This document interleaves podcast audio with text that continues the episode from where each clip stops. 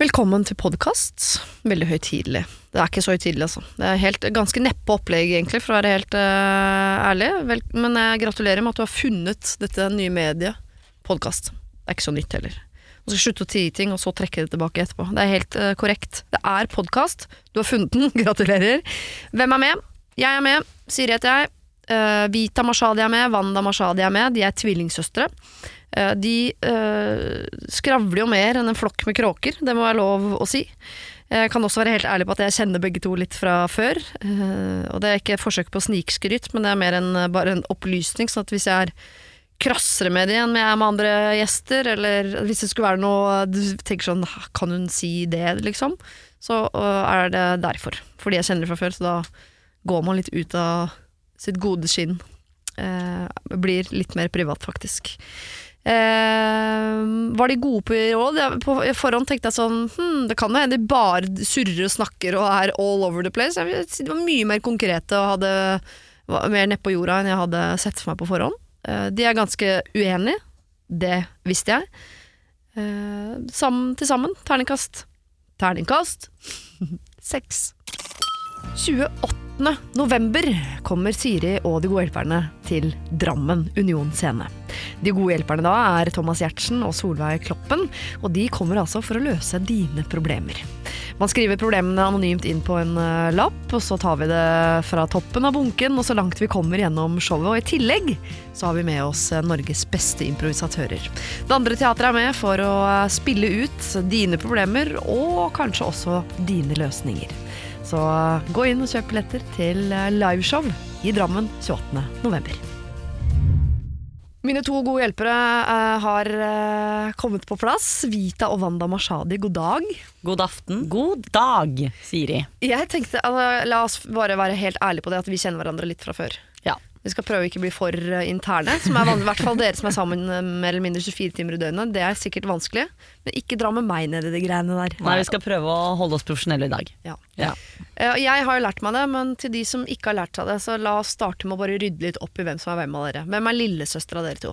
Det er meg, Wanda. Wanda er lillesøster. The little cute sister, som det også heter. Merker man det på noen måte? Ja, det vil jeg si. Ja, absolutt. Ja. Sa Ja, ja. Herregud, vi er enig for første gang. Ja, men jeg Ja. tror ikke vi er enige altså, jo, Hvis vi går dypere inn i det, så er jeg ikke så enig. Nei. Ja, for hva vil det si at du er lillesøster? Det vil si at uh, storesøsteren alltid har rett og siste ordet, ifølge storesøsteren. Ja, Så hun er eldre og smartere, liksom? Tror hun, da. Stemmer dette, Vita? Ja, det stemmer jo at jeg er det, men det er jo også at Wanda er mye yngre. I atferd, for eksempel. Hæ? Ja, du er litt mer sånn Wanda er litt mer avhengig av meg, da. Ja. Ja. På ingen måte! Og Jo. la oss ikke glemme at det er jeg som er kjæreste her, og ikke du. Det har ingenting Du kan Fordi ha kjæreste når du er tolv år òg. Vita sier hver gang hun skal finne seg et type, så skal hun finne en som meg. Det er litt creepy. En som deg, eller en som kjæresten til Wanda? Hun skal finne en kjæreste som er som meg. Å ja. En, yng en yngre, da? Eller? en eller litt ja, ikke så selvstendig type? eh, tydeligvis, men jeg vet ikke egentlig Ja. hvorfor jeg sier det. Fordi når du sier det sånn, så merker jeg at det er jo ikke noe jeg vil ha. Og der kom hykleren frem. Hun er den som er avhengig av meg. Absolutt ikke. Men eh, ok, så det er eh, sånn sett forskjell på dere. En er singel, en er ikke, og den ene er selvfølgelig noen minutter eldre enn den andre. Mm. Er det noen andre store forskjeller, vil dere påstå? Ja. Vita har en føflekk på nesen sin. Mm. Og så har hun rundere hode enn meg. Jeg har smalere hode. Dette er det folk har sagt, da. Ja. Jeg vil jo si meg enig, men det er sannheten. Men jeg tenkte mer på sånn eh, moralsk kompass. Er dere like der, liksom? Er, dere, er den ene mer dømmende enn den andre? Eh, Eller? Jeg er kanskje mer altså Vita. Jeg er mer direkte enn Wanda, kanskje. Ja, Eller jeg er det, du vet at jeg er. Ja. Jeg tenker ofte litt mer da, før jeg snakker i forhold til det Vita. Men der utfyller hverandre veldig bra, Fordi hvis Vita driter seg, så kan jeg komme og ro henne inn. Og hvis jeg ser at Wanda prøver liksom å gå rundt grøten, så er jeg rett på. Ja. God kombo. Mm. Veldig god kombo. Ja. Eh, og så er det en ting som dere sikkert er lei av å snakke av, vil jeg tro, for dette hører jeg jo stadig folk ta opp, nemlig det med at dere bor sammen. Ja. Eh, og ikke bare bor sammen i, sånn, eh, et palass der dere har hver deres fløy osv., dere deler soverom ja, og seng. Seng. og seng. Ja. Ja. Og det går fortsatt fint. Nei. Jo, det, altså, vi har det jo hyggelig. Det er ikke akkurat sånn at du har med deg så mange boys hjem at du Nei, sliter. men jeg mener fint i, altså, Vi hadde jo en megadiskusjon nå forrige uke, og da var det ubehagelig å legge seg i samme seng. Men Ja. du kan jo tenke alle parene som også diskuterer og legger seg sammen. Det er jo, man skal jo alltid legge seg sammen, ikke sant? og man skal egentlig aldri ende det negativt nå før man hopper i køys, men det gjorde jo vi. Ja. Men um, vi la oss nå sammen. ja. Ja, for man skal jo egentlig finne ut av ting før man sovner. Man skal ikke, legge, man skal ikke sovne som uvenner, men det gjorde dere altså da. Tre netter på rad sovnet vi som uvenner. Og våknet som uvenner. Ja, ja, ja. Gud, ja.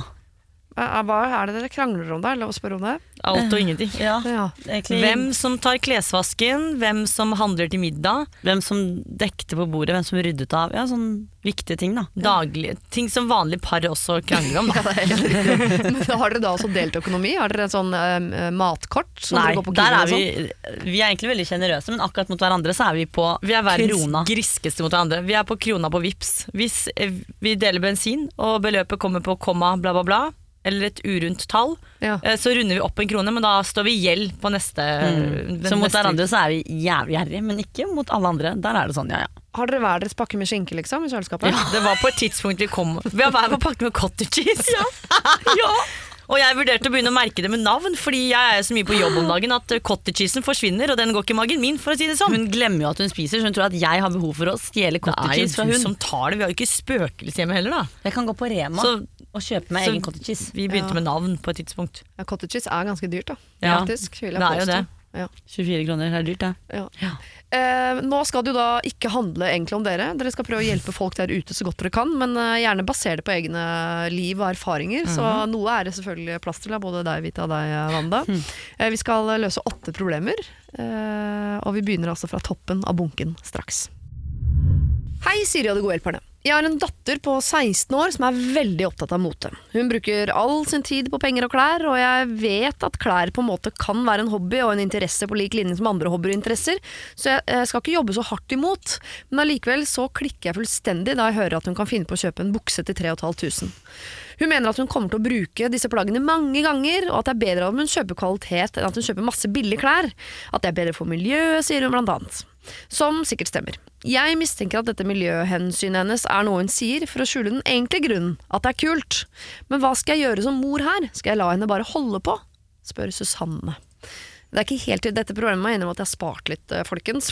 Ja, det var veldig midt i blinken for oss, da. Ja, og jeg blir bare, bare sånn Før dere forsvinner opp i atmosfæren At 3500 kroner for en bukse for, uh, for, for mange så er det veldig mye. Ja, det er men men det er 16 år, så det er mye. Ja, det er mye uansett, syns jeg, da. Det er bra vi er enige om det. Ja.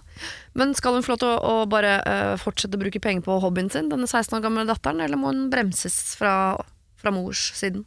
Altså, jeg tenker Dette her var jo oss da vi var 16, Ja, og mamma.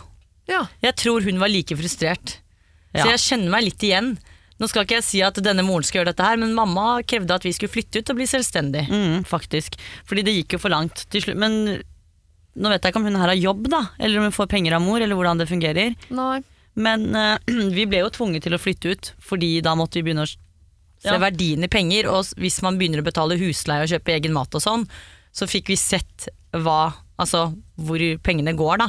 Ja. Fordi vi bodde jo hjemme og kjøpte dyre klær og kjøpte ting til 3000-5000 og tenkte at dette her er jo ingenting, fordi vi fikk jo bare lønn, og alt annet var jo gratis. Eh, så skjønner jeg nå at mamma blir irritert. Vi skjønte jo ikke det da.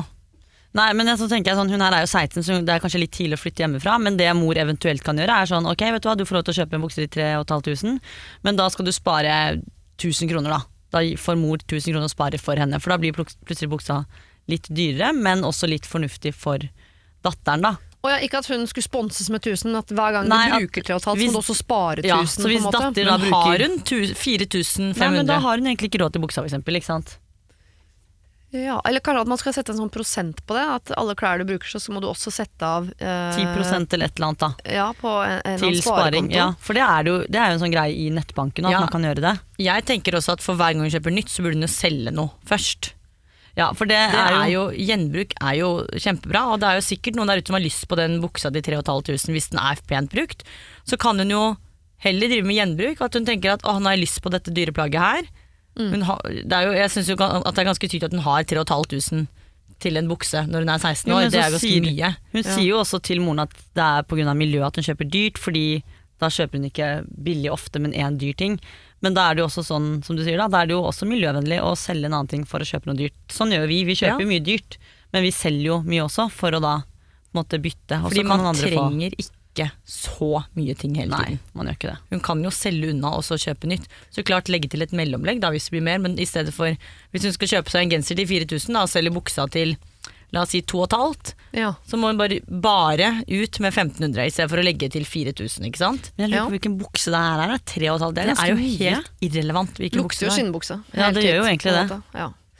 Men er det, jeg vet ikke hvor mye dere kan om det, men det miljøhensynet, det forstår jeg jo. Men er det jo ikke også sånn at når man kjøper dyre ting, så bruker man det faktisk mer? Eller er det bare en myte? Nei, det føler jeg er sant. Jeg er i hvert fall sånn, Hvis jeg kjøper dyrt, så vil jeg bruke det mer for at jeg skal få hjem for det jeg har betalt, tenker jeg da. Ja, og, men altså, da må man jo bruke det pent òg. Ja, Ofte Jeg- så er jo dyre ting ting du må ta ekstra vare på, faktisk. Ting som ikke kan vaskes, for For eksempel. For eksempel. Den smellen har gått på noen ganger. Og jeg vet Ja. ikke om en 16-åring er så obs på at den buksa den må jo vaskes på et tidspunkt, den buksa. Ja. Eller til rens, eller whatsoever. Blir dere kvalme av å høre at jeg har en skinnbukse som jeg eide i ti år uten å vaske den? Nei, for jeg har hatt Nei. et skinnskjørt i fem år som jeg aldri har vasket. Men du har vel iset den, eller putta den i fryser og sånn? Absolutt ikke. Og hvorfor skulle jeg gjort det? Nei, fordi den fjerner det dreper bakterier. Ja, Oi, og det høres sånn. veldig lurt ut når du sier det nå. Det skal jeg vurdere. det skal jeg vurdere. jeg brukte den hele tiden spjæra. Eh, heldigvis var jeg på jobb på NRK på den tiden, og der har de jo systue. Så bare, Da er det bare å sende dit, da. Ja, ja. Så jeg Ja, stå i trusa oppi i systua. Men de hadde ikke renseri der, da, så du kunne satt det i samme slengen? Nei, men fryser har de jo da, i kantina for så vidt. Så Ja, det tenkte jeg ikke på. putten, putten oppi der. Men altså, eh, dere syns det er dyrt, så her er vi enige med deg, Susanne, Ja. om at det er eh, dyrt. Men kanskje eh, hun innimellom kan få lov, men at hun i tillegg må spare. Sånn at buksa jo faktisk på en måte blir dyrere, men hun skjønner også at eh, verdien av å spare Om to år kan du kaste henne ut. Ja. Det er tydeligvis foreldrene Ja, Det til- funket ja, faktisk det funker veldig på bra. oss. Ja. Og at hun kan selge ting videre, og det miljøhensynet, selv om hun kanskje bare bruker det som grunn for å få seg fine ting. Ja vel, men sånn f- fra miljøets side så er jo på en måte vinninga like stor, uansett hva hun egentlig mente med det. Så eh, brems henne litt. Kast henne ut om to år, og pass på at hun også liksom lærer seg verdien av penger, og setter noe på sparekonto. Siri og de gode hjelperne. Jeg har en kjæreste som bor i Kristiansand, og selv bor jeg i Stavanger. Problemet mitt er at vi ikke blir enige om hvor vi skal bo. Både jeg og kjæresten min har faste jobber. Kan dere hjelpe oss med å komme til en løsning? What to do? Hilsen mannen på 30. Altså her, eh, Vita og Wanda, har vi en mann på 30 som bor i Kristiansand, som er dame i Stavanger, og de blir ikke enige om hvor de skal bo. Og Da er det selvfølgelig lov å, fyre løs med eh, kjærlighetserklæringer eller fordommer til disse byene, men problemet er jo hva gjør man når ingen vil flytte på seg, men de vil bo sammen? Hvilket hensyn skal man ta? Jeg hadde slått opp, jeg. Det er derfor jeg er singel, sikkert. da. Nei, nå må du være realistisk, Geir. Flytt halvveis. På midten. På midten. Like langt hjem til begge. Ja, da må Men da da, ofrer jo begge to alt. Jo, men det er jo bedre at én føler seg som vinner og den andre som taper. Jeg tror ikke det er det det går på. Jeg tror det går med på at begge to har liksom disse jobbene. Ja, men Hvordan type jobb er det, da? Du er jo ikke uerstattelig på jobben din. Du kan jo finne en ny jobb, og så kan, kan man Si at det er for sånn som det er som har Mark Jacobs, og du kan ikke få en Mark Jacobs i Jeg tenker at man må prioritere. Vil du beholde jobb? Vil du være hun som ofrer alt for jobb, eller vil du være hun, som offrer- hun eller han som ofrer alt for kjærligheten? Ja, for her er det litt enten-eller. Eller så kan det at det føler- finnes en sånn midt på-løsning. Ja, det kommer jo litt, Nå står det ikke hvordan jobb de har, da, men det kommer jo litt an på hvordan type jobb det er. Ja, hvilken jobb er kanskje lettere å flytte på? Og hvem er det som på en måte må ofre minst? Eller sånn Og hvis, så er det litt sånn hvem som eier og hvem som leier. Hvis det er en som leier, så syns jeg at den som eier skal ha rettighetene på sin plass. mm, Det er jeg litt enig i, for den må jo da begynne å selge. Det er veldig mange og- faktorer vi ikke har fått innsyn i, da. Ja, absolutt. Eh, Det eneste vi vet er Kristiansand og Stavanger. Og jeg skulle ønske jeg geografisk kunne svare på hvilken by som lå midt mellom der, og om det der ligger en Mark Jacobs Er ikke det. Bergen, da? Men, eh, Nei, det er kanskje ikke. Geilo, ja. Nei, det er mer mot ja, ikke, Geilo kan jeg Det kan jeg bekrefte at det ikke er. det er. Nei, da beveger vi oss bort fra det. Men vi kan jo bare flytte til Oslo da, starte på nytt begge to. Ja, for jeg har også tenkt på sånn, hva er mest rettferdig? At begge må si opp jobben og begge må flytte Ja. og røske opp med røttene, liksom. Da stiller de på bar bakke. Enn at den ene flytter til den andre. Og på en måte så er det jo mer rettferdig at begge må, men det er jo mer usikkert òg. Sånn, ja, da er vi Ja, det er to, to arbeidsledige idioter på fremmed grunn, liksom. Men det syns jeg er synd. Er det ingen som vil ofre noe for partneren sin? ja, hva hadde du som har kjæreste, da, hvis han sagt sånn Jeg har fått drømmejobben i Kautokeino. Så du må være med. Da hadde jeg sagt 'god tur, vi ses om noen uker', jeg tar flyet opp. Det hadde jeg faktisk sagt. Ja. Så eh, hvor langt er du villig til å flytte på deg for han, da? Ja, det den tid, den sorg, tenker jeg, altså. Ja. Greien er at det, Jeg tror ikke det kan sammenlignes, fordi han er vant til å flytte. Jeg har aldri flyttet lenger enn det jeg bor nå, på en måte. Han har flyttet fra Trondheim og ned, nei, Trøndelag, faktisk, Steinkjer, og ned Ja. hit. Han, han vet hvordan det der er, ikke sant. Så i det forholdet her òg, på disse med problemene, Mhm. så må man jo finne ut av hvem er det som er litt mer sånn fleksibel. Ja, hvem, og så tenker jeg, hvem er det som er mest stabil, både i forhold til økonomi og liksom alt rundt, da. Ja, og hvem har en uh, Det er jo en litt, så, litt sånn minefelt å gå inn på. Jeg, bare, jeg syns jeg hører meg og lokføreren snakke om sånn Hvem har den viktigste jobben her? Ja, det er jo litt sånn. Ja, og da, uh, Jeg ville jo ha påstått at min jobb er uh, viktigere enn hans på mange måter. Eh, selv om jeg, jeg ser at det er viktigere at det går tog enn at noen prater på radio. Jeg er Ja, enig i det. det er litt Ja, det er jeg enig i. Men, Men jeg du kan ikke høre på radio hvis ikke tog går, på en måte. Nei, det blir veldig vanskelig. Men hvis de tar den diskusjonen, da, hvem som har den viktigste jobben, så jeg det kan jo på en måte være det bruddet de trenger for å bli kvitt problemet også. For det er litt farlig å by seg ut på. Det kan jo være at de Altså, jeg tenker at hvis de hadde vært så sikre på hverandre at de elsker hverandre mer enn alt på jord, så hadde en eller annen lagt seg fra at bare 'jeg kan flytte for deg'. Eller så må man bare møte, eller bli enige om at de bare prøver begge deler en liten stund, da, eller et eller annet. Ja, altså man- Folk har jo overlevd med avstandsforhold. da Ja. Det kan en, hende at en av de på et eller annet tidspunkt blir lei av jobben sin og tenker sånn 'nå jeg orker ikke mer, nå flytter jeg med deg'. Ja. Eller at en tar permisjon en liten stund for å flytte bort til den andre, og så får man bare prøve ut en liten periode og se hvordan det fungerer. Prøve begge deler. Tar permisjon for å Jo, jo, men du vil jo ikke si opp jobben hvis det er en testperiode. Da er det bedre å bare ta permisjon, si to måneder, da, for å se hvordan det er å bo hos den andre. Jeg skal later du som du skal teste ut noen kunstneriske greier. Jeg tar tre måneder uh, permisjon, skal drive med potettrykk i Stavanger, for Ja. Ja. Eller så jeg lurte også på om det kunne være en idé at øh, han som bor da i Stavanger, søker jobb i Kristiansand, og hun som bor i Kristiansand, søker jobb i Stavanger, og den som får napp først. Ja, den flytter. Ja, Men da må da- de bare være helt sånn ærlige på at jeg ikke man skulle later si. som. De må liksom. jo vise hverandre at de har søkt, Fordi jeg hadde sagt at jeg hadde søkt, så hadde jeg gjort det. Og hvis man Ja, ja. er sånn som meg, så er man jo kynisk. ikke sant? Så her må man legge alle kortene på bordet, vise hverandre søknader og alt man har søkt på. Mm. Og så hvis man får en telefon, så må man jo ikke si Man må være til stede med hverandre, da. Ja. Når eventuelt en arbeidsgiver ringer for intervju. Ja, Men for Ja. guds skyld, du må jo stole på partneren din. Hvis du ikke kan stole på partneren din, så er det ikke en vits å flytte sammen. Ja, men Jeg ser for meg han som må ha med seg dama si inn på jobbintervju for å sjekke at han faktisk ikke gønner på når de spør om negative egenskaper. Sier sånn Nei, jeg er jo voldelig og generelt lat, så Da er ikke det her et forhold man burde satse på i det hele tatt. Nei. Ah, nei, den der er vanskelig. Jeg Den er veldig vanskelig. ja, hvis, jeg velge, hvis jeg skulle velge mellom å bo i Kristiansand og Stavanger, så går jeg for Stavanger. Det må, men det har bare med at jeg syns Stavanger er en uh, finere by enn Kristiansand. Beklager til alle dere i Kristiansand. jeg var i Stavanger forrige uke. Kjempefin by! Dialekta er litt finere, faktisk. Hvis man liksom skal være litt sånn. Ja. Nei, jeg liker søl sørlandsdialekten bedre enn vestlandsdialekt. Ja, men jeg tror man tar med seg dialekta si når man flytter. Sånn, Ja, de kan starten jo endre dialekt og alt som er. Ja. Nei, jeg tror dere må søke på jobber. Eh, dere kan selvfølgelig flytte midt på, se om det er eh, et sted dere kunne trives begge to. Da er det jo ingen som har jobb, men heller ingen som, som har noe fortrinn. Eh, dere kan bare ha et avstandsforhold, se åssen det går. Dere kan gå fra hverandre, er også et helt sånn konkret eh, eh, løsningsforslag her. Eh, eller kan prøve begge steder først. Eller så er det jo bare å vente. Plutselig så er det en av dere, antageligvis da kvinnen i forholdet, som blir gravid, og da er dere bare nødt til å finne ut av det i løpet av ja, maksimalt ni måneder, da. Vi har en nabo fra helvete, og vi trenger hjelp. Kall oss gjerne Anna og Johanna. og Vi bor i hvert vårt hus ved siden av hverandre i en liten grend. Vi to tilbringer mye av fritiden vår sammen, men nylig flyttet Annas slektning inn i huset ovenfor oss, kall han for Johan. Johan har en jobb der han er borte annenhver uke, men de ukene han er hjemme vil han gjerne tilbringe all tid sammen med oss. Problemet er at vi absolutt eh, ikke har noen ting til felles med Johan, og dette syns vi jo er forferdelig slitsomt. Han varsler eh, oss aldri om sin ankomst og blir alltid til vi skal legge oss. Dette gjelder også selv om vi har jentekvelder og at det absolutt ikke passer å ha Johan på besøk. Han har dessverre ingen forståelse og kjenner ikke sin besøkelsestid. Samtidig beklager han veldig at han forstyrrer. Vi har ingenting imot Johan som person og vet at han ikke har så veldig mange andre å være sammen med. Og dette gjør at vi syns litt synd på han også. Vi vil jo ikke såre han på noen som helst måte.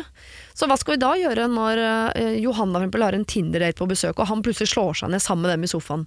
Hvordan skal vi ta opp dette med han uten at han blir lei seg? Må vi bare si det rett fram? Hilsen to fortvilte naboer. Ja. Ja. Der, eh, nå fikk du nesten sånn drag over ansiktet, Vita, at jeg nesten jeg tenkte at du kjente deg igjen i Ja, det tenkte jeg òg. Sånn, eh, hva sikter du til, egentlig? Nei, jeg ble egentlig bare litt satt ut over at noen mennesker ikke tar hint, men det har kanskje ikke gitt noe hint til han.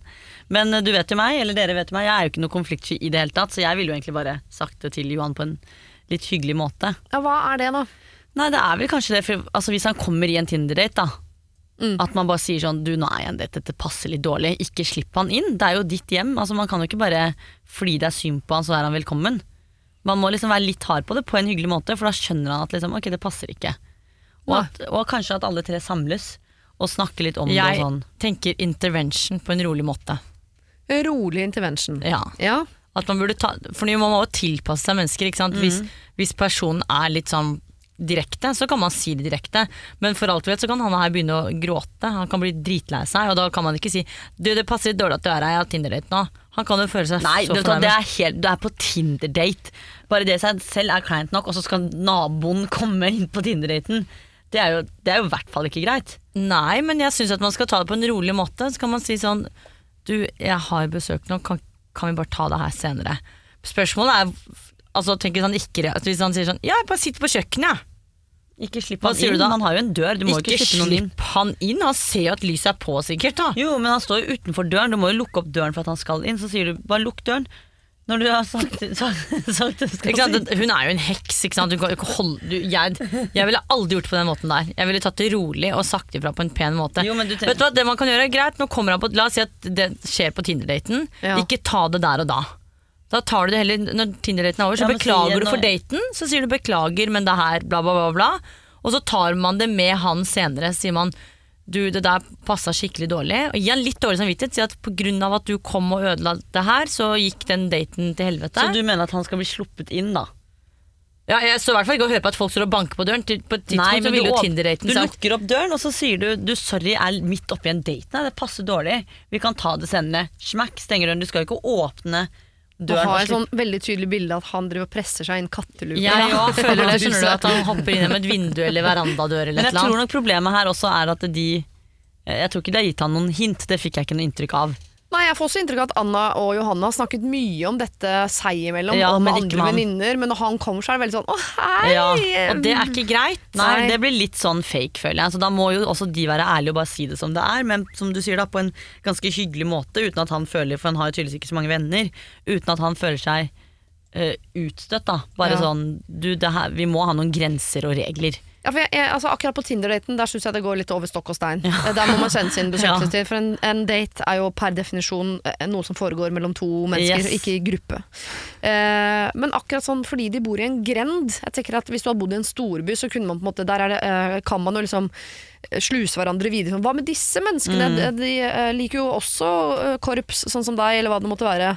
Eh, Men akkurat når man bor på et lite sted, så trodde jeg noe av det fine med å bo på små steder, var at var nettopp at dørene sto litt på gløtt, alle kunne besøke yep. alle. Det var større rom for at ok, eh, du er ikke nødvendigvis eh, veldig lik meg, men her er det plass til alle. Så den syns jeg vi skal bevare. At han er eh, ikke en dere digger helt sånn vilt, så tenker jeg at han, noe må han få være med på. Han har Ja, ikke noen andre ja. venner, og, dere er naboer og dere er familie, og noe skal de henge sammen.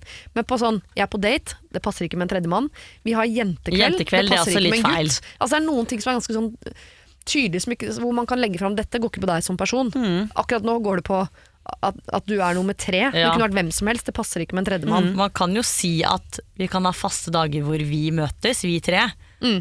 Sånn at han også skjønner at det er en grunn til at det er faste dager. Kan man si den og den dagen der er vi opptatt med andre. Ja. Vi kan ha tacokveld på en onsdag. Ja. Men på fredag så skal vi det. De må jo, hvis det er sånn at han må ha det invitert, så må de bare si det.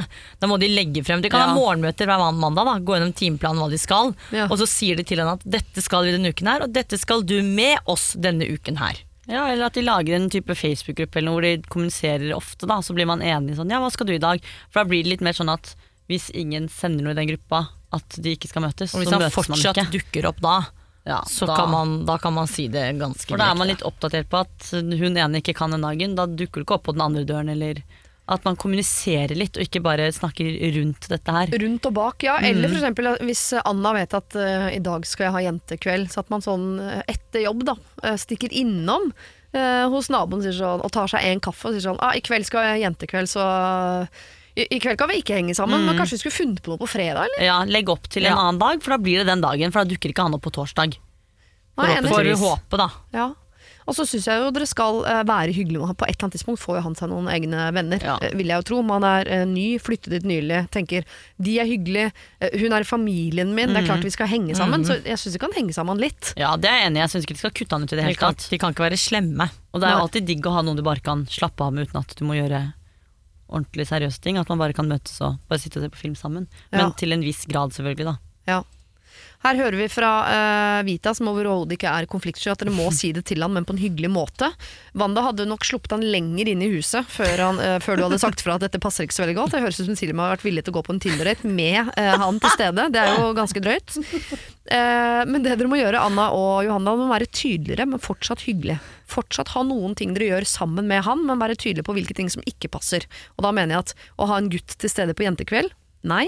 Ha en tredje gutt til stede på en Tinder-date, nei, med mindre du tenker at det er litt pirrende.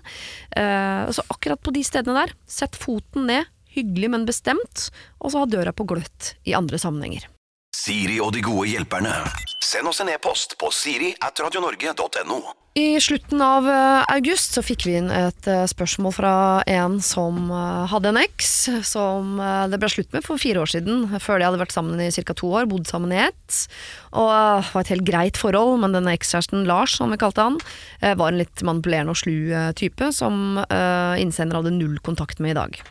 Det hun hadde igjen fra denne Lars, var et smykke hun hadde fått i gave, som var et dyrt smykke som hun brukte da de var sammen, selv om ikke det var helt hennes stil.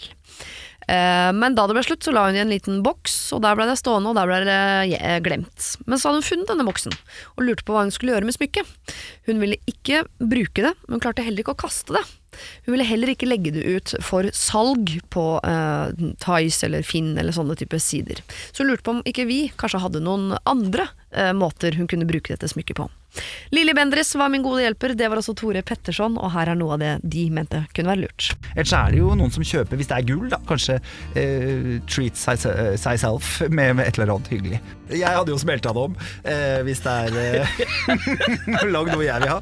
hvis det smykket bærer med seg noen negative minner for henne, så er det jo klart at det kanskje ikke er greit å bruke det. For meg er det et minne om et levd liv, at dette her har jeg gjort. Og som du sier, det der med å ikke, eh, ikke gjenta mine egne feil, da. Ja, kan det være nå merker jeg at går over i ditt landskap, kan det være dårlig energi i et smykke? Ja, alt, alt du har på det, spesielt smykket som du bærer på huden, det, det fanger opp følelser. Dette var et utdrag av hva Tore Petterson og Lilly Bendriss, som var mine gode hjelpere i slutten av august, mente kunne være lurt. Vil du høre det i sin helhet, så kan du laste ned altså podkasten fra siste helgen i august. Nå skriver hun. Tusen takk for at dere tok opp mitt problem. Det er utrolig gøy å høre, og grunnen til at jeg ikke har lyst til å selge smykket er fordi vi bor på samme lille plass, og at denne Lars definitivt ville få høre om det dersom jeg selger det. Og hvis han ser at jeg selger det, så er jeg redd for at han ville ha tenkt på meg som patetisk for å ha hatt det i alle disse årene, og jeg er redd for at han da ville ha tatt kontakt. Jeg ser ikke bort fra at Lars kunne ha bedt om å få smykket tilbake, eller noe jeg ikke orker å forholde meg til. Derfor syns jeg ideen om å smelte om smykket var spesielt bra. Den tanken hadde ikke jeg Den hadde ikke slått meg i det hele tatt, og det virker jo helt genialt! Tusen takk for gode råd, jeg elsker å høre på dere. Jo, tusen takk, jeg skal viderebringe det til Lille Bendris og Tore Petterson. Så bra. Eh, Det hender jo at vi eh, Det tror jeg nok helt sikkert at innimellom her så sier vi ting du allerede har tenkt sjøl. Det er bare litt deilig liksom høre noen andre også tenke det, at det på en måte bekrefter den tanken du allerede har hatt. Eller at du hører oss si ting som du tenker å herregud, det er jo helt håpløst. Ja vel, da kan du få stryke den hjelpa av lista. Eh, Men at vi også da kan si ting som du overhodet ikke har tenkt på engang, ja, det er unektelig litt gøy. Alle disse mulighetene ligger der for deg også som hører på, så hvis du tenker at hm, kanskje jeg skal be om hjelp, så gjør det. Siri alfakrøll radionorge.no er adressen. Siri og de gode hjelperne. Hei, Siri og de gode hjelperne. Jeg kaller meg gjerne Karina, har nylig kjøpt meg leilighet. I forbindelse med min 21-årsdag nå, så fikk jeg en bursdagsgave av min farmor. Jeg er veldig takknemlig for alt jeg får av gaver, ja, men denne gaven falt kanskje ikke helt i min smak. Jeg fikk et sett med åtte store og åtte små pene asjetter. Men problemet mitt er at de var ikke så pene i mine øyne. Jeg syns det er vanskelig å få gaver som jeg ikke øh, vet om jeg kommer til å bruke, eller som jeg egentlig bare vet at kommer til å støve ned i skapet. Og som jeg eventuelt kun kommer til å bruke når farmor er på middag. Dette er dyre og ordentlige fat, så det jeg lurer på er, kan jeg selge de privat videre og kjøpe meg nye? Eventuelt, hva sier jeg da til farmor når hun spør? Eller skal jeg bare la de støve ned i skapet til de gangene farmor er på besøk? Jeg trenger hjelp! Karina. Jeg blir rystet. Ja, fordi Dette er et typisk ilandsproblem. Alle problemene vi har her er iransproblemer, Ja, det, stort sett. dette her er i-i-ilandsproblem. Det er et N-problem, og det er Norges problem. Ja. Vi har det for godt. Men jeg Altså- tenker jo det som kan være lurt her, er jo eh, ja, å selge, men vær litt smart og beholde f.eks. For, for hun hadde jo fått åtte stykker eller noe, var det ikke det? Jo. Selg seks, og så beholder du to, sånn at når hun kommer, da, for da er det gjerne dere to som spiser eller noe, Ja. så kan du og farmor spise sammen med det. Sånn at farmor ikke blir lei seg. Jeg ville bare beholdt plass. det. er Det blir jo vintage på et eller annet tidspunkt. Og så, Det tar mye plass, da. jo jo, men, Og så har hun jo lyst på noe annet servis isteden. Ja. men har hun fått byttelapp? Hun har kanskje ikke, Det står jo ikke noe om det. Nei, Det har hun sikkert ikke fått. Men jeg syns noen ganger at man er litt sånn for redd i forhold til Ja, eh, Når man får gaver, så er altså På et eller annet tidspunkt virker det som om det snur. At det, er det å få gave handler mer om den som gir enn den som får, på et eller annet Ja. tidspunkt. Og det er fint at man tar hensyn og er ydmyk og alt det der, men at man er så var på å kunne si fra sånn Å, jeg setter veldig pris på gaven, men den er ikke he helt etter min smak. Ja. Jeg hører sjøl at jeg hadde hatt problemer med å si det, men det er jo rart at det skal være så Jeg tror ikke jeg hadde gått sånn mentalt helt i kjelleren hvis jeg hadde kjøpt en gave som mottakeren var sånn Å, du kjøpte blå. Jeg er mer rosa. Er det greit jeg bytter den? Jeg hadde blitt glad, jeg. Jeg er sånn som bytter Hvis noen hadde uansett. sagt til meg at herregud, takk, men kan jeg bytte til noe annet, så hadde jeg sagt så lenge du er fornøyd. Det er ikke sikkert vi har sammen. Hun har sikkert kjøpt ut ifra det hun syns er fint. Ja. Men jeg vet ikke om den eldre garde kanskje hadde reagert litt annerledes. Det kan godt hende. Det kan være at hun hadde blitt sånn Å ja, at hun hadde følt at hun kanskje ikke hadde hatt respekt for henne eller et eller annet. Fordi Ja. hun ikke setter pris på Men er det ikke bedre at hun er fornøyd, det barnebarnet, enn at uh, farmor skal tatt hensyn Det til? går jo an å bare selge hele serviset og aldri invitere henne hjem. Kjempe Det gjør vi. Det går vi for. Eller bare si at hun har det, Ja. men at hun ikke bruker det med mindre det er sånne fine, fine, superfine anledninger. Ja, Og at invitere henne på en sånn casual lunsj, da. ja. Hvor de bare sitter og spiser jeg, på Ikea. nei, men jeg er sånn Det tar mye plass, og jeg skjønner hvis hun har lyst på noe annet, så er det jo veldig lurt å bare selge unna for nytt. Så enten så bare, hvis du absolutt ikke klarer å stå imot å si til farmen at du har solgt alt, så behold to stykk, altså sånn at du har et sett ganger to. Og så selger du unna de seks andre. For da har du det, kan du alltid dra frem det når farmor kommer, og så kan du kjøpe deg det du har lyst på også i tillegg. Men da er problemet hvis farmor kommer med mor og far. Ja, Da drar du ikke frem det, da. Nei, så sier, Men hvorfor ikke det? Det er De andre knuste, det. knuste, da. Jeg vet da faen. Si det, de Vi hadde gresk aften her, skjønner du. Det, det. Men det kan hun jo faktisk si. Hun kan selge alt, og si bare at det knuste. ja. Men for det er, det er rart det, hvordan det er eh, at en gave som egentlig er bare ment hyggelig, plutselig blir litt sånn til bry. Ja, liksom. Hun får jo angst av å se på det serviset Ja. der. For jeg tenker også, Det kan nok hende at det er typisk det når man er eh, Hun er jo da bare 21 år, og da har man ganske sånn eh, eh, bestemt smak på ting. Og så vil man egentlig bytter man smak ganske ofte. I hvert fall Ja. var jeg sånn da jeg var eh, yngre, så bytta jeg smak ganske ofte. Jeg gjør det eh, fortsatt. Stoler ikke helt på min egen smak. Så kan nok hende at dette serviset her er et Hvis det er et bra servise, så er det noe hun kommer til å sette pris på. Ja, På er det sikt. mener, at det blir vintage. Ja, Kanskje hun bare skulle satt det eh, Ja, det tar mye plass, men sett i en eske på loftet, da. Ja, Flytt det ned i en bod, eller Du trenger ikke se det. Nei. Så tar du det heller Det er så mye hyggeligere for farmor hvis hun tar det frem om seks år. Men kan hun ikke bare spørre farmor, da? Du, jeg er litt usikker på dette, for jeg har egentlig lyst på noe annet. Blir du lei deg hvis jeg bytter det, eller er det en grunn til at du har kjøpt akkurat dette? Hva er tanken bak? Og da kan farmor fortelle hva. Hun orker sikkert ikke gå inn i den krigen, vet du. Jo, men det er jo det hun, hun er jo 21, hun har kjøpt seg egen leilighet, hun er jo oppegående. Den praten kan hun da. Og hvis farmor sier herregud, bare bytt så lenge du er fornøyd, så gjør du det. Og hvis farmor kommer med en historie at det, her er derfor og da, så sparer du bare på det til en eller annen gang. Ja, for det kan jo antagelig så har øh, farmor tenkt sånn Åh, dette er jo så Karina, det lyser jo Ja, Karina ja. det serviset her. Og det er det jo veldig mange som tror når de ser gaver, at de har så utrolig peiling på hva andre mennesker mener og tror. At de, det, dette, dette er naila, liksom. Og så er det feil. Det er jo det man blir lei seg for. Ja, ja. Hvis den du har kjøpt det til da sier å, det er ikke min smak, så tenker man sånn å herregud, da bomma jeg, jeg dreit meg Mm. Men eh, ja, nei, jeg vet ikke om Karina skal ta sjansen, jeg. Jeg ville beholdt det. Jeg ville snakket med farmor, jeg. Og så hvis farmor sier hvorfor, eller sånn dette er grunnen, så kan hun selv tenke ok, det er ikke så viktig grunn, hun bare kjøpte det fordi hun syntes det var fint, da kan jeg bytte. Eller så kan det være farmor sier ja, bare bytt, herregud, så lenge du er fornøyd selv. Men hvis hun ikke tør å spørre, så anbefaler jeg å beholde det. Gjemme det vekk og ta det frem noen år, så blir det som nytt for henne. Så blir det sånn Oi, herregud, jeg skjønner ikke at jeg ikke syntes at dette var fint før. Dere ser bare på motebildet òg. 80-tallet er tilbake. Ja, ja, ja. Og Karina blir jo 80 år en gang, hun òg. Kanskje hun har lyst på det selv da? Jeg så tenker at Når farmor har vært ute og kjøpt dyrt servise, så er det antagelig ganske sånn klassisk, Ja. rent Jeg ser for meg et ganske fint servise, men som kanskje ikke er sånn ungdommelig og kult, men et servise som kommer til å være fint å ha på sikt. da Ja, det er Jeg kan se for meg at det er sånn Royal Copenhagen, Ja, ja. Hermes. Ja, Hermes og det er ganske dyrt. Ja.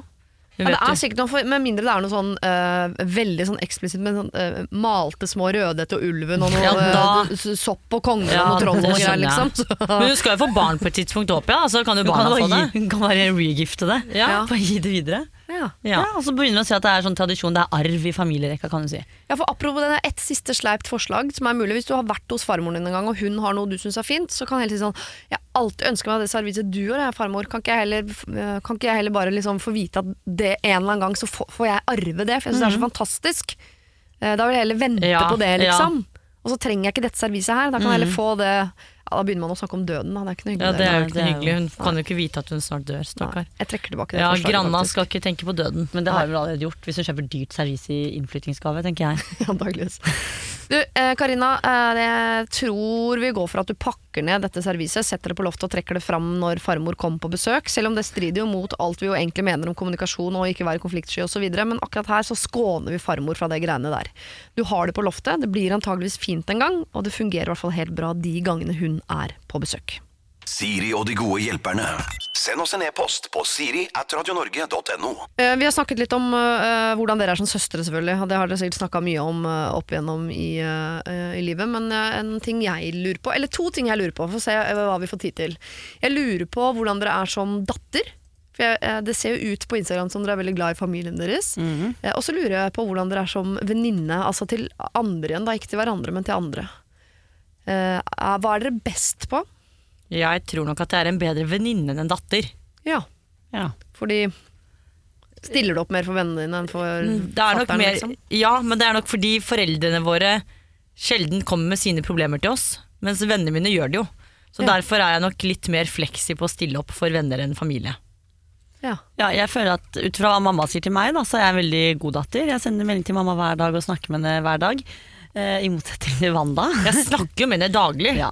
I hvert fall så er Jeg vet at mamma er veldig fornøyd med meg. Liten konkurranse Hun er ikke mindre fornøyd med meg, det er ikke det jeg sier, men nå var spørsmålet hvordan du føler ja. deg. Jo, jeg ikke føler meg som en Du må forstå god- spørsmålet. Føler meg som en god datter, og, og egentlig en veldig god venn. Ja. Men når du snakker med moren din hver dag, sier du, eh, snakker dere om eh, hennes ting eller dine ting? Eller? Det, altså Noen dager så kan det være ordentlige samtaler, andre dager kan det være sånn Hei, håper det går bra, savner deg. Bare Ja. sånn stikker innom, da. Bare for å vise at jeg er her. Ja. Fordi det er jo ikke alltid man har noe å snakke med foreldrene om. Men har dere andre søsken? Nei. Nei, jeg tror de ga seg der det var som verst. Ja, det var nok med oss to. Ja. Men dere, jo, dere har ett familiemedlem til, tror jeg. Vi har jo Hun? ja, Donald. Donald, ja. Han er her, ja. Han, ja. En bulldog-aktig liten Engelsk bulldog som Verdens er snilleste. Han er stum. Og Å, ja. døv. Er han døv òg? Ja, pappa mente han var det. Han er i hvert fall stum.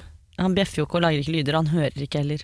Nei, blind er han. Han har selektiv hørsel, din idiot. eller han hører det han vil høre. det er to avvik der, i hvert er- fall. Ja. Ja. Han lystrer ikke Nei. på uh, innkalling, for Nei, eksempel. det gjør han ikke. Så det går ikke så mye løs, da. Nei, nei, nei. nei. Men dere er veldig glad i hund, så dere er nesten mer glad i hund enn venner, eksempel? Ja, det vil jeg si, Det- faktisk. Ja, ja, uten tvil. Men det er for at hvis du krangler med eller klikker på en hund og blir sur, så vet du jo aldri at den aldri kan svare deg. Den svarer jo ikke. Mennesker svarer jo, ikke sant. Det liker jeg ikke. Ja, du liker å herse med folk. Nei, jeg liker at hvis jeg føler at jeg er rett, så er det ingen som skal si imot, og det gjør jo eksempel ikke hunder. Nei, det er sant. De har jo ikke talerett. Nei. Men du, Wanda, har du noen venninner som ikke Vita har? Mm, Det tror jeg, ja, det har jeg Eller egentlig ikke. Kollegaene Jo, mine, da. kollegaene ja, mine. herregud, det er jo på en måte mine venner også. Ja. Det er jo ikke altså, folk jeg henger med, men Jo, det men er du jo har jo noen av de du henger med, som jeg bare er på hei på, liksom. Ja, det er sant. ja. Så det, Er det litt digg? det er veldig digg. Men jeg, det er, da, jeg merker sånn når jeg kommer hjem etter at jeg har vært med dem, så er det sånn Åh, det var deilig å se deg igjen. Fordi vi egentlig alltid er sammen. Og så blir det jo ikke sånn, i og med at jeg da ikke kjenner vedkommende, så er jo ikke jeg nysgjerrig på personen heller, så vi snakker jo aldri om disse tingene. Hvis han da er da ute og spiser med den venninnen som jeg ikke kjenner, Ja. så har ikke jeg lyst til å spørre. Og det er ikke fordi at jeg er bitter, det er bare sånn, det er ikke naturlig, for Jo. jeg interesserer meg ikke. Det er nok mer det at du føler at typen din har vært utro. Nei, det, føl- det hadde vært hvis jeg ikke hadde kjent typen din, da hadde jeg følt på det. Ja. Ja. Men har dere noen gang, eh, siste spørsmål om vennskap, altså jeg bare tenker sånn, har dere noen gang blitt kjent med ett menneske sammen? Jeg tenker ikke på meg nå, det skal dere få slippe å svare på. Blitt kjent med et menneske, og så eh, merker dere at dette mennesket liker en av dere veldig mye bedre enn den andre. Eh, til ja, stadighet og bare, tenk hvis jeg bare hadde henvendt meg til deg hele tiden, Vita, at du, Wanda, var litt luft for meg, liksom. det er litt sånn ja og nei, for jeg føler det er litt sånn perioder, og at folk plukker ganske fort opp hva de kan komme til for meg og Wanda. At det er sånn hvis det er én ting, da er det alltid meg, og er det en annen ting, så er det alltid Wanda. Oh ja. Uten Det at har da- ikke jeg følt på. Har du ikke? Nei. Jeg føler liksom ofte at det er sånn Noen er sånn som bare kanskje planlegger med deg når det kommer til ting, og så hvis det er andre ting, så kommer de til meg og så er vi på en måte like gode venner. Ja, for at en, ja, jeg trener med deg, men Ja, jeg går på sånn, kino ja. med deg, liksom, aktig. Ja, eller i hvert fall når det kommer til planlegging eller når man snakker om ting. Da, at Hvis det f.eks. er noe dypt og trist, så er det kanskje Wanda. Og så hvis det er noe litt sånn useriøst og litt sånn morsomt, så er det- Overfladisk, så er det ja, Vita. altså for, Det var et eksempel, da, men at det Ja, er litt sånn. Det stemte, det eksempelet. Det gjorde det ikke. Men det er Ok. nok godt mulig, jeg har bare ikke tenkt over det. Nei. Jeg tror ikke de tør, jeg, for å være helt ærlig. Nei. Fordi de vet jo at til syvende og sist, hvis de legger seg Altså hvis det blir en diskusjon, så støtter jo vi hverandre uansett. Mm. Det har alltid fascinert meg med tvillinger. Jeg hadde lyst på tvillinger selv når jeg fikk barn, for jeg tenkte det virka så deilig å ha en ved sin side som uansett At man kunne få en sterkere personlighet, da, fordi man alltid har en ved sin side som kan Ja. bekrefte og støtte uansett hvor langt Det ut på føler man måtte være, liksom. Mm. Det misunner jeg litt, for å være helt ærlig. Få prøve på nytt, da kanskje blir tvillinger tredje gangen. ja. Ender opp med fire plutselig. Ah, nei, det er ikke så fysen på. Hvis du som hører på har et problem, så send gjerne inn til oss. Eh, Siri alfakrøll radionorge.no er adressen du bruker. Siri og de gode hjelperne. Kjære Siri og de gode hjelperne. Mamma har fått seg kjæreste. Hurra, egentlig. Hun har vært alene siden pappa døde for snart åtte år siden. Og hun er verdens beste dame, men hun har vært litt nede i mange år nå. Først pga. pappa, selvfølgelig, men etter hvert bare fordi hun har vært ensom. Vi barna har flytta til hver vår storby, og hun sitter liksom aleine igjen i dette store huset, da. Men nå stråler hun. Hun ringer og nærmest klukker på telefonen opptil flere ganger i uka. Hun drar på ferieturer, spiser middag, går på kino. Altså, hun blomstrer. Så var det denne mannen, da. Mamma digger han. Han er en karismatisk type, jeg ser den. Men jeg husker han godt fra den tiden vi fortsatt bodde hjemme. Da mamma var sammen med pappa, mens denne fantastiske mannen her var ute på de lokale pubene, der han brukte sin nettopp karismatiske vesen til å tafse seg gjennom det som kunne krype og gå. Og mitt inntrykk da var at han ikke likte eldre damer, egentlig ikke damer på sin egen alder engang, og noen ganger var, ikke, jeg jammen ikke sikker på om han engang likte damer. Og det er greit, det. Han er kanskje en kåt type, han var singel, han hadde lov, men ryktene gikk også om at han groomet folk for å ha en trygg havn for en periode. At han var litt sånn som kurtiserte folk, flytta inn, levde på dem og flytta videre. Dette vet jeg ingenting om, det er bygdesnakk. Men jeg er jo redd for at mamma blir lurt her. Er det noe jeg kan gjøre? Oi. Jeg bare lurer på om det er Sturla Berg Johansen, ja. Så er denne fyren. Kritisk spørsmål, bare. Kåt Nei, jeg vet Ja, det kan være han. ja, og som liker menn, men som plutselig liker damer. Jeg vet ikke. Det er sikkert ikke han, herregud. Da hadde man jo visst flere han han er. der ute. Ja. Men ja, denne er jo litt vanskelig, da, fordi det er jo en såret mor her, og barna har flyttet ut. Eh, og da vil man jo selvfølgelig ta vare på mor. Ja. Eh, Det skjønner jeg jo ganske godt. Så nå prøver jeg å sette meg selv i denne situasjonen at det gjelder vår mor. Og at vi har hørt dette og sett dette og disse tingene. Men så er det litt vanskelig, for igjen så er jo vi to veldig sånn åpne og ærlige og sier ofte ifra. Ja, jeg bare lurer på hvor ung han er. Er Jeg tror han er, på, han er på alder med mor. det er bare at han vanligvis liker Ja, han han- jo damer som er eldre enn Ja, det var nei, sånn så yngre enn seg sjøl. Ja, ikke sant? Han liker smårips. Mm. Det kan jo være vet, Det er tricky sitt. Det kan jo være at de plutselig bare hadde en hookup på byen en gang, og så bare fant han, at, fant han ut at dette her var riktig. Ja, altså folk kan jo forandre seg. Ja. Det kan godt, altså, jeg tviler egentlig ikke på at han er eh, kjempeforelska, de har det helt fantastisk. Men eh, datteren her er jo på en måte tar jo med hans historikk inn i dette bildet og blir skeptisk. Jeg Det- tror hun burde være med og møte han. Ja. Du vet den første middagen hvor man sitter Og så burde man liksom ta det på en sånn litt sånn low-key altså, situasjon. Bare en vanlig middag hvor man lager pizza, eller ikke noe sånn fancy-pansy. Sånn at man på en måte blir litt komfortabel, og alle snakker, så lar man bare praten gå.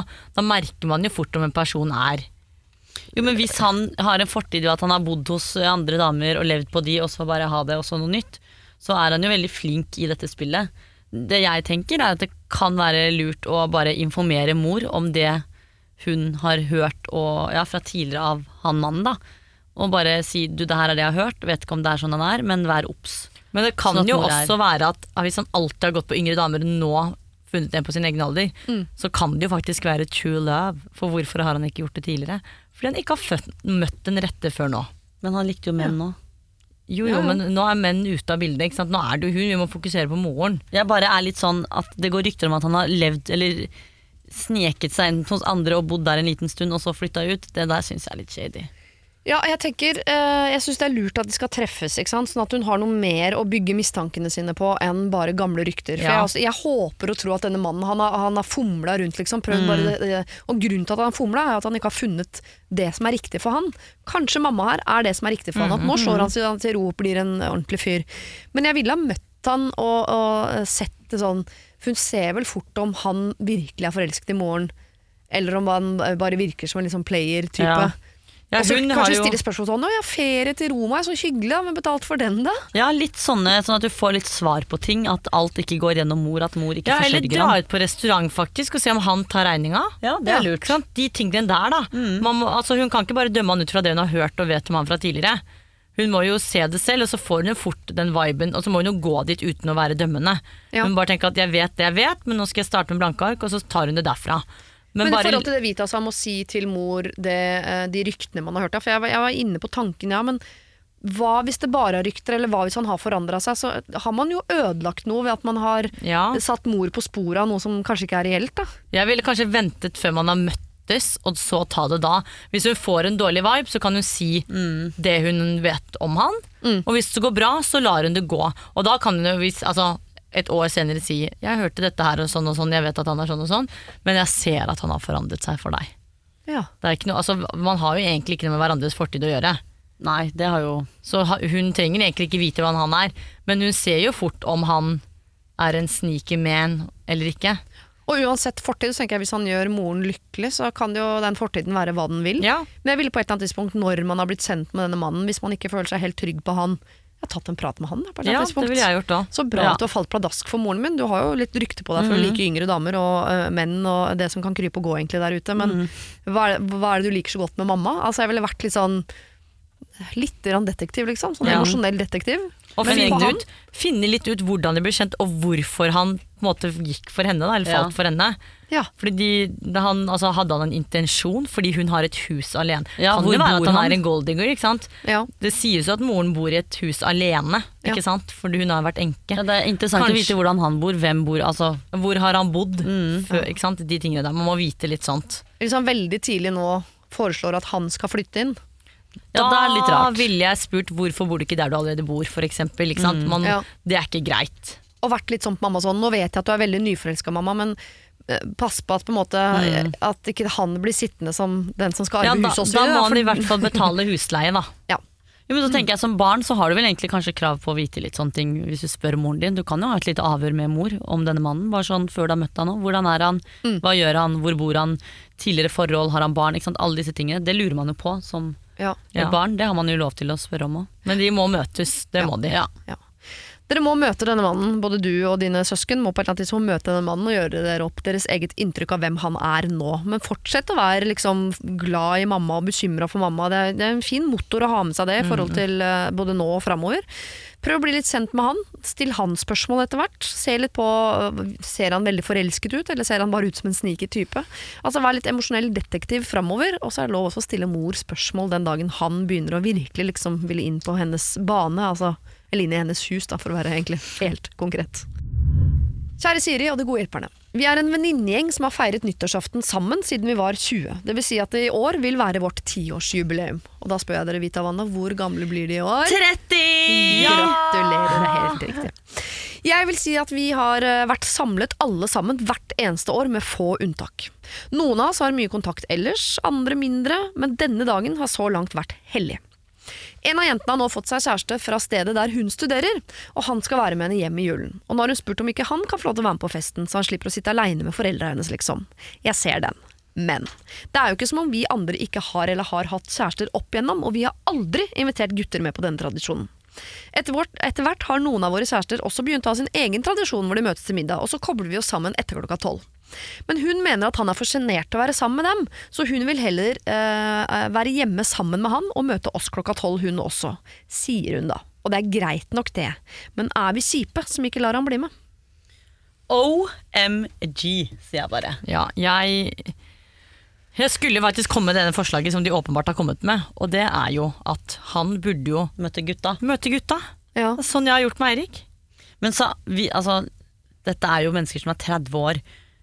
Han må jo klare å møte opp på en fest og klare seg alene uten hun her. Ja, det, jeg tenker sånn De kan jo henge litt i romjula, disse venneparene. Mm. Og så kan jo han han, altså han er vel ikke sosialt tilbakestående, han må jo klare å snakke med gutta. Og når du er 30 år, Jo, men så det skal, som- altså, du tør vel å snakke med andre mennesker? Hvorfor kan han ikke bare møte de, snakke med de, så? Hvis, det en, hvis en i gjengen får seg dame eller type, så er, det jo, er man jo ofte åpen bare Ja, bli med oss. De hadde jo sikkert sagt 'bli med oss', og så hadde han blitt med de gutta på middagen. Det er jo litt, altså Jeg ville aldri ødelagt en tradisjon. Nei, og det som ofte er med sånne ting, så er det veldig fort å tenke at ja, nå er det gutten som har sikkert sagt det og det, men det er ofte vi jentene som er litt sånn som skal dulle litt ekstra med disse gutta. Ja. føler jeg. At man er litt sånn 'Å, stakkars deg. Nei, men hvis du ikke, hvis du ikke er invitert der, så kan vi to bli hjemme'. Da burde hun heller bare si 'Vet du hva, vi skal med jentene, gutta skal dit, du skal dit'. Fordi du har ikke noe valg, fordi du er hos meg nå. Og sånn er tradisjonen. Hvis ikke så får du dra hjem igjen.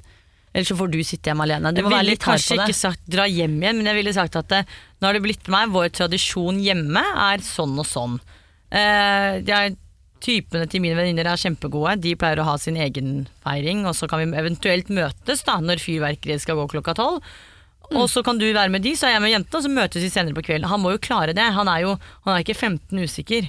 Han er 30 og selvsikker, håper jeg. Så er det viktig at disse også blir kjent med hverandres venner. Ja, De burde jeg møtes i romjula. ikke sant? Andre juledag, første juledag, dra ut på fylla, og bli litt kjent Ja, sånn. det tenker jeg kan være lurt. Ja, for det er en veldig god idé. For jeg tenker at Det kan jo hende at han er eh, 30 år og veldig sjenert. Er man først, først eh, sosialt veldig sjenert, så er man jo gjerne Mm, det gjennom gjennom ja, hele livet. ja. på en måte Men jeg tenker at da er det jo ikke egentlig noe bedre å henge med Uh, en gjeng med jenter enn en Nei, gjeng nei, med gutter. Det eneste som er forskjellen, er at da har du dama di der, men da tenker jeg, skal dere to sitte oppå hverandre hele Det blir jo uh, Da ja. så er jo vi gjerne være hjemme. Jo, og så er jo vi jenter litt sånn at jeg tror ikke det blir sånn supergod stemning hvis han kommer inn der med hun, og det vil nok han kjenne litt på når han kommer inn på det rommet, og at han skal feire nyttår med x antall jenter som ikke er så fornøyd med situasjonen. Så Ja, for jeg jeg tror ville det, synes det var flauere sånn Jeg blir med og ødelegger den tradisjonen Ja, deres, jeg, som ja. den eneste gutten. Da ville jeg heller dratt eh, på fest med bare ti gutter jeg ikke kjente fra jeg før. altså. Men hun burde også vært tydelig på når de planla at han skulle bli med med jula, og si at dette er vår tradisjon.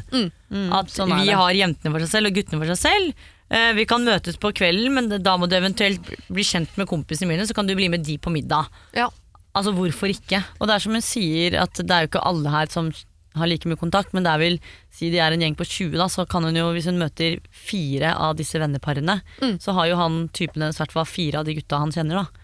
Ja, for det er vel at de møtes mye i romjula, sånn at han blir litt kjent med disse gutta. Sånn Ja. at han har noen å snakke med på den middagen. Så da blir jo han faktisk Jeg tipper han blir bedre kjent med de ved å være aleine med gutta enn å bli med dama si på jentefest. Ja, og når de møtes klokka tolv der, så tipper jeg han har hatt det eh, kjempegøy. Og så kan jo de stå og eh, nusse og være søte klokka tolv, og så er alle sammen sammen. Ja, Eller så er det jo også sånn at ok, det er tiårsjubileum, så jeg skjønner at i, akkurat i år skal vi i hvert fall holde tradisjonen ved hevd, liksom.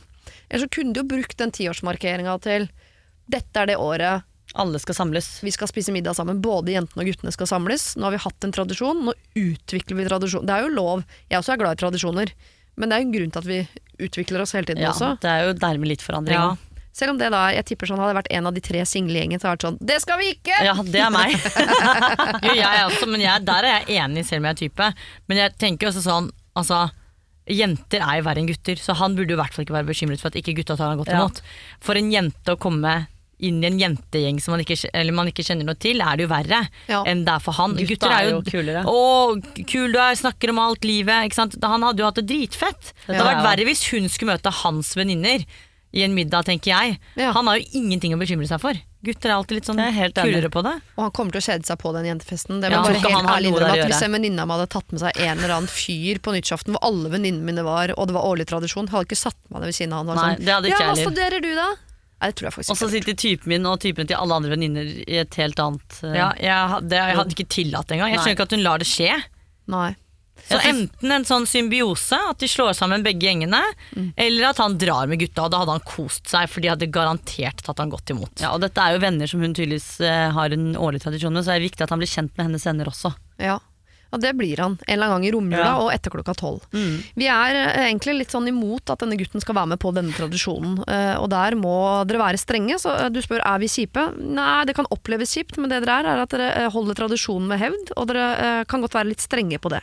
Eneste er, og da må alle jentene være enige, kanskje her må kanskje de single gjengen få lov til å være de som bestemmer. Kanskje dette er året hvor dere skal slå dere sammen. Men igjen da, da må de single få lov til å være med å bestemme. Eh, og hvis det er én som sier sånn nei, dårlig idé, ja, så gjør dere faktisk ikke det. Da blir det som det alltid har vært. Jentene på middag, guttene på middag, og så møtes dere klokka tolv. Og han fyren, han skal på middag med gutta, eller med foreldra til dama si. Ja. Det er Det er alternativet. Siri og de gode hjelperne. Denne mailen åpner med «Ah!» Det står ikke hei engang. Oi. Jeg har beklageligvis ligget med en mann som ikke er singel. Hvis det er formildende, så har jeg aldri truffet hans familie. Ja, jeg sier familie, for han er også far. Men jeg kan ikke si at jeg ikke visste at han var gift, for det visste jeg faktisk. Det verste er at jeg kan ikke skylde på at jeg har vært stormende forelsket heller, for faktisk så liker jeg ikke fyren. Så ja, rop gjerne om at det der skulle jeg aldri ha gjort, for jeg er helt enig, men det er for seint. Så hva er problemet nå, da? Jo, han stalker meg. Eller han er på meg hele tiden. Han syns tydeligvis at dette er sykt spennende, og tror at vi skal ha en eller annen lang og hemmelig affære. Vi bor på et lite sted, og det begynner å bli kleint. Jeg avviser han høflig, men bestemt hver gang, men han dukker opp overalt hvor jeg er. Og det virker som om jeg er mer redd for at vi skal bli avslørt, enn han. Jeg vil bare bli kvitt han, og sånn som han holder på nå, så kommer vi før eller senere til å bli avslørt. Så da lurer jeg på, kanskje jeg bare skal avsløre det med en gang? Altså skal jeg få kona på banen, sånn at hun da forhåpentligvis kan klikke og låse han inne. Det er jo bedre for meg, men er det bedre for henne? Ja. Ja. Hva gjør man her? Altså, jeg syns jo først og fremst at det er dritkult at hun vurderer å si det. Til kona. Ja, fordi greiene er at ja, hun visste at han var gift og har barn og alt mulig. Hun er jo egentlig ikke den som har gjort noe galt der. Nei. Hun er jo singel, forhåpentligvis. Nå sto det jo ikke noe om det, men jeg regner med det. Jeg håper han har nevnt, det hvis du også hadde type. For det er et element her, føler jeg. Vi har Ja. begge vært utro. Ja. Men Så hun har jo egentlig ikke gjort noe galt. Og hun gjør jo både seg selv og hun kona en tjeneste hvis hun sier det, tenker jeg. Hun blir kvitt en stalker, og hun får vite hvordan douchebag hun er sammen med. Ja, men Da splitter hun jo potensielt en familie som kunne ha levd videre i uh, Ikke sus og dus nødvendigvis, men kunne ha levd videre i en slags falsk happy symbiose herfra Ja, hele veien ut. Jeg tror ikke hun gjør det bedre ved å si til hun, fordi jeg tror ikke han blir mindre stalker da, hvis han mister kona og Nei, men problemet nå er at nå har han eh, altså det beste av begge verdener. Han, har, han kan stalke hun som han har lyst til å ligge med, og han har kona å dra hjem til. Hvis hun, hvis hun som blir Hun kan jo true han med å si det til kona, da, uten å gjøre det. Og si sånn, hvis du ikke slutter å stalke meg nå, så kommer jeg til å litt smålig å true. Nei, men heller det enn å gå, fordi hvis han mister kona, så kommer han i hvert fall til å stalke henne. Jo, men da går hun på anmeldelse. Ikke sant? Det, er alt, det er alltid løsninger. Ja. Jeg syns at han skal miste familien sin fordi han har vært en idiot. Ja, du er ganske streng på utroskap. Jeg hater utroskap. utroskap. Jeg syns ikke noe om hvert fall. Ikke, altså, ikke at det er godkjent da, men når det er familie i bildet, så er det ikke godkjent. Nei, jeg er helt enig, jeg syns også det er helt motbydelig, men jeg syns ikke eh, hun skal Det er jo egentlig ikke hennes case at han har vært utro. Hun har jo vært singel, eller hun er singel, men Så det er jo egentlig ikke hennes jobb heller å gå til kona. Nei. jeg, det jeg lurer på sånn, ja, hvis, man skal, uh, tenke, hvis vi skal være med henne og tenke egoistisk på det Ok, eh, jeg har gjort noe dumt, jeg vil bli kvitt mitt problem, som er at han stalker meg. Eh, Jeg sier det til kona. Da blir det ille for han, det blir ille for familien hans, men det blir potensielt bedre for meg. Eller gjør du det? Nei, for jeg tenker det, plutselig- hvis, det kan hende at da i tillegg til at du får en illsint stalker på nakken, så får du kona hans på nakken også, og bygda. Altså det kan jo, Ja, ja. Det kan jo makse problemet her, egentlig. Og hun Men da vil kan hun jo flytte. Det er alltid en løsning Nei, men for så han. tenker jeg Hun kona vil jo sikkert fortrenge dette her, og så hører hun da med mannen. Han blånekter jo selvfølgelig. Hun tror på mannen, og da blir det mann og kone mot hun Men da slipper hun jo stalkeren! Hele poenget er at hun vil ikke bli Nei, det tror jeg ikke. Jeg tror ikke hun slipper unna stalkeren på den måten. Ja, for hvem er det sånn eh, Jeg vet at ikke vi har statistikk på det, men la oss lage den, da. Statistisk sett, folkens. Ja. Eh, hvem er det kona kommer til å bli sur, mest sur på her? Er det han, eller Det er det er, henne? det er hun. Det er Hvis som hun, er. hvis hun er eh, oppegående nok til å forstå, så blir hun først sur på hun, Mhm. og så skjønner hun etter at sinnet har lagt seg, og at hun har blitt lei For hun først blir hun jo lei seg, Ja. og blir sur på hun dama. Mm. Men når hun har latt det synke litt, så blir hun jo sur og forbanna på han, for da skjønner hun jo at det er jo han som er roten i det vonde her. Ja. Og, Og kanskje du- de to ender opp med å bli venninner. Det er jo Det er ikke et ekte vennskap. Det vennskapet vil man ikke ha. Vanda, Den filmen skulle jeg gjerne sett. Men, eh, men jeg tipper jo, siden du Wanda, er så streng på det der med utroskap, så eh, det er derfor du anbefaler henne å si det til kona, fordi du hadde villet vite det om din mann. Men det er jo faktisk ganske mange som jeg må innrømme at jeg, jeg tror ikke jeg ville ha visst hvis eh, alternativet var at jeg kunne gå uvitende gjennom resten av livet mitt med en mann jeg elsker. Hvis han hadde liksom ramla utpå en sånn glipp, Mm. så tror jeg ikke jeg ville visst om det. Det eneste som er litt sånn forstyrrende her, er at han fortsetter å stå. Det, Det virker- er som han det. vil ha mer. Ja. Jeg- hvis og da vil jeg kanskje vite det. For hvis jeg ville ha visst om det, så ville jeg ha hørt det fra han. Da ville jeg ikke hørt det fra elskerinnen. Det syns jeg blir helt feil. Ja, Da men jeg- da er jo alternativet det at hun sier til han at nå må du gi deg. Mhm. Men det kan jo være at han ikke ser på det som stalking, ikke sant? Nei, men det, det må hun jo si fra. Hun må si fra til at du, dette begynner å bli ubehagelig, nå syns jeg du har gått for langt. Nå må du gi deg, eller så sier jeg det til kona di. Ja, dette skjedde én gang, du har kone og bla, bla, bla. Men da er vi tilbake i disse smålige truslene, men kanskje det er de man skal stemme på, da. Er det så smålig å, trus å trusle? Nei, jeg er helt for det. Jeg syns hun skal bare være ærlig på det og si at jeg, dette skjedde en gang, det var en feil fra begge sider. Eh, Jeg er ikke interessert, du har kone og barn og det ene og det andre. Ikke stalk meg, jeg syns det er ubehagelig. Ja, for Foreløpig så- virker det som han syns all avvisning er litt sånn turn Ja, on. det er Han det jeg sånn. Å, er du hard to get nå? Ja.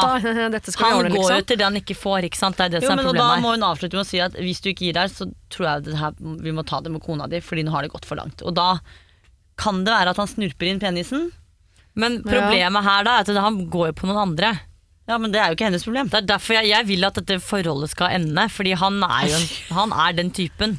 Ja. ja, Enten er han en notorisk utro type som må stoppes, eller så var dette en engangs at han Småbarnsfasen, er Mm. utslitt, lei seg, øh, føler seg ikke sett hjemme, så han gikk på en smell som ga han en eller annen sånn energiboost som han bare må ha mer av. Og så kan han eh, skli helt fint tilbake i familierollen etterpå når han er ferdig jeg, ja, på jeg sin tror det er viktig. At hun setter han litt på plass. Ja, jeg, jeg vet at dette er veldig feil å si, men det eneste jeg har i hodet mitt, er de der Exit-gutta. Jeg ser, jeg, det er bare det jeg sitter og ser i mitt hode. Ja. Så jeg føler at dette her er noe som kommer til å fortsette. At når han er ferdig med henne, greit, han har fått trussel av hun, Mm. da hopper han på neste. Men hun single jenta skal jo ikke endre livet hans, hun skal jo bare redde seg selv. Endre så, sitt, ja. ja, så om han fortsetter med en annen, det er jo ikke hennes problem. Kunne hun, uh, dette har jeg ikke tenkt nøye gjennom, jeg har ikke tenkt gjennom det i det hele tatt, for jeg er helt ærlig. Kunne hun ha ringt og tipsa kona om at du, mannen din driver og, og stalker meg, på en måte. Ikke nevnt noe om utroskap, men sånn ha, eh, Han er liksom på alle steder hvor jeg er, og er veldig kontaktsøkende. Eh, jeg syns det er litt ubehagelig. Ja. Kan du snakke med han? Ja, hun kan jo det. Hun trenger jo ikke nevne at penisen har vært inni henne, liksom. Hun Nei. kan jo bare si at det er ubehagelig, jeg har funnet ut at dette er din, din mann, og han stalker meg. Bare tenkte å si ifra, jeg syns det er litt ubehagelig, før jeg eventuelt trekker en anmeldelse. Ja. Ja, gjør det litt mer alvorlig. Ja. Så kan hun ta en, hun kan være psykolog, kona kan være psykologen hans. Her ble vi ikke helt kloke, dessverre. Eller vi klarer ikke å liksom lande på én ting. Eh, fordi hadde vi visst at dette var noe han uansett fortsatt med, så vil vi jo gjerne at du stopper ham på en eller annen måte. Men nå er det jo du som vil at ditt liv skal bli bedre, og det er helt greit. Det er derfor vi er her for å hjelpe. Eh, så jeg tror du må enten være tydeligere overfor han eh, og trusle med at du eh, sier fra til kona, eller faktisk si fra til kona, men du trenger ikke å si fra om alt. Det viktigste er jo at du blir kvitt han som din stalker, og akkurat hvordan det går Ah, Nei, det vil jeg ikke si, det jeg skulle til å si nå. Hvordan det går med han. Akkurat han er jeg ikke så opptatt av, men jeg er litt opptatt av kona og ungen hans. Så tenk litt på hva du gjør, for vi vil jo ikke at du skal herpe den delen av det. Siri og de gode hjelperne. Lørdag og søndag fra 09.00 på Radio Norge. Hei, Siri og de gode hjelperne. Jeg er en mann på 38 år som er sammen med en dame på 40. Hun har barn, jeg har barn, vi har ingen sammen. Men vi har prøvd en stund på nettopp det. Og vi vet jo at begge egentlig kan få barn fra før, men sammen er vi tydeligvis ingen god match. Vi har vurdert flere alternativer, men det er stort sett dyrt, vanskelig, og noen av dem har vi ikke lenger muligheten til pga. alder. Vi har eh, gode forhold til både min og hennes eks, og nå har det dukket opp et forslag på bordet. Hennes eksmann sier at han godt kan stille opp som biologisk far en gang til. Altså, De skal ikke ligge sammen, altså, men at han rett og slett kan ja, donere litt av sine greier. For å se om det funker. Da får jo hennes barn et helsøsken til, mens mine barn får et stesøsken til. Men det trenger jo ikke å bety noen ting. Det er jo vi to sammen som skal oppdra dette barnet. Biologisk far blir bare en slags ja, onkel. Vi tror det kunne blitt bra, men er vi naive her, er det noe vi ikke ser.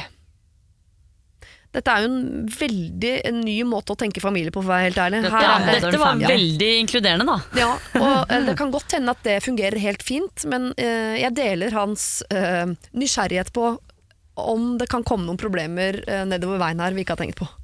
Jeg tenker, det er en grunn til at han tenker at det kan være noen problemer her. Ja, Fordi hvis du er så sikker på at dette mennesket bare ønsker dere godt, så hadde du jo tenkt at ja, herregud, han, han vil jo bare at vi skal ha barn. Hvorfor har han blitt usikker?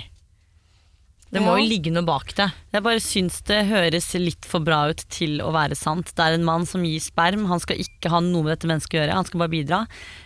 det høres litt for enkelt ut. Men han kommer jo til å ha noe med dette mennesket å gjøre, barnet å gjøre uansett. Fordi de har, han deler jo allerede var det to barn med Mm. kona. Eller Ja. ekskona. Eksdama. Ja.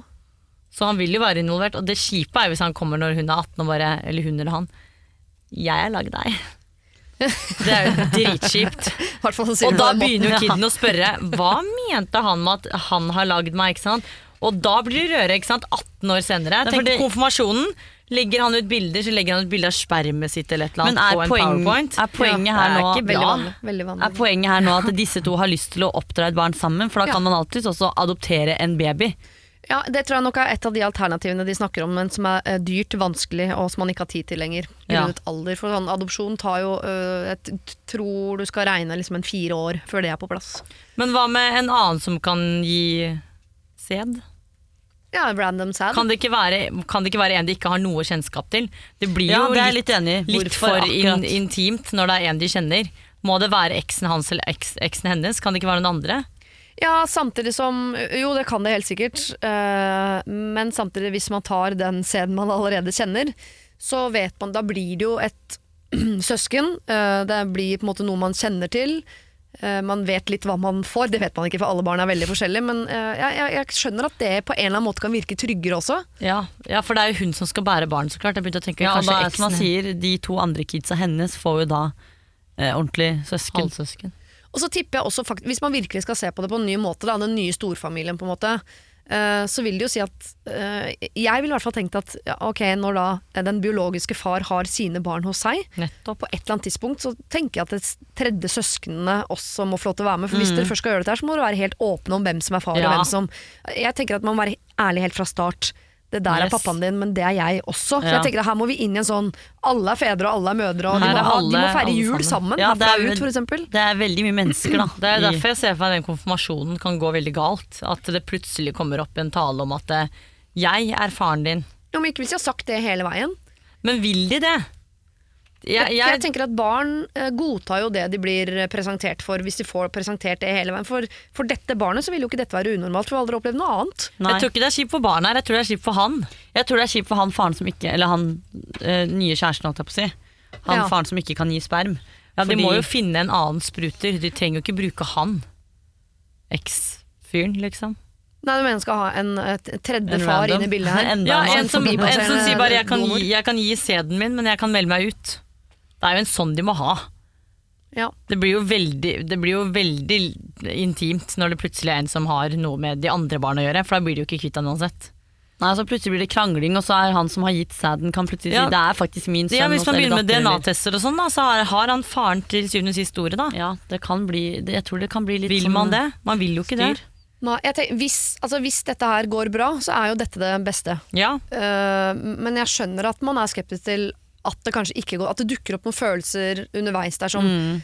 Jeg tenker at Han nå tenker sånn Selvfølgelig kan jeg eh, avlevere sperm i en kopp, og så tenker Ja. ikke jeg noe mer på det. Og så plutselig så ser du at hun du har vært med gjennom to svangerskap tidligere, plutselig går svanger igjen, og så begynner du å romantisere. Mm. Så kommer det barnet som du egentlig har avskrevet deg fra, og du vet at det er du som er faren.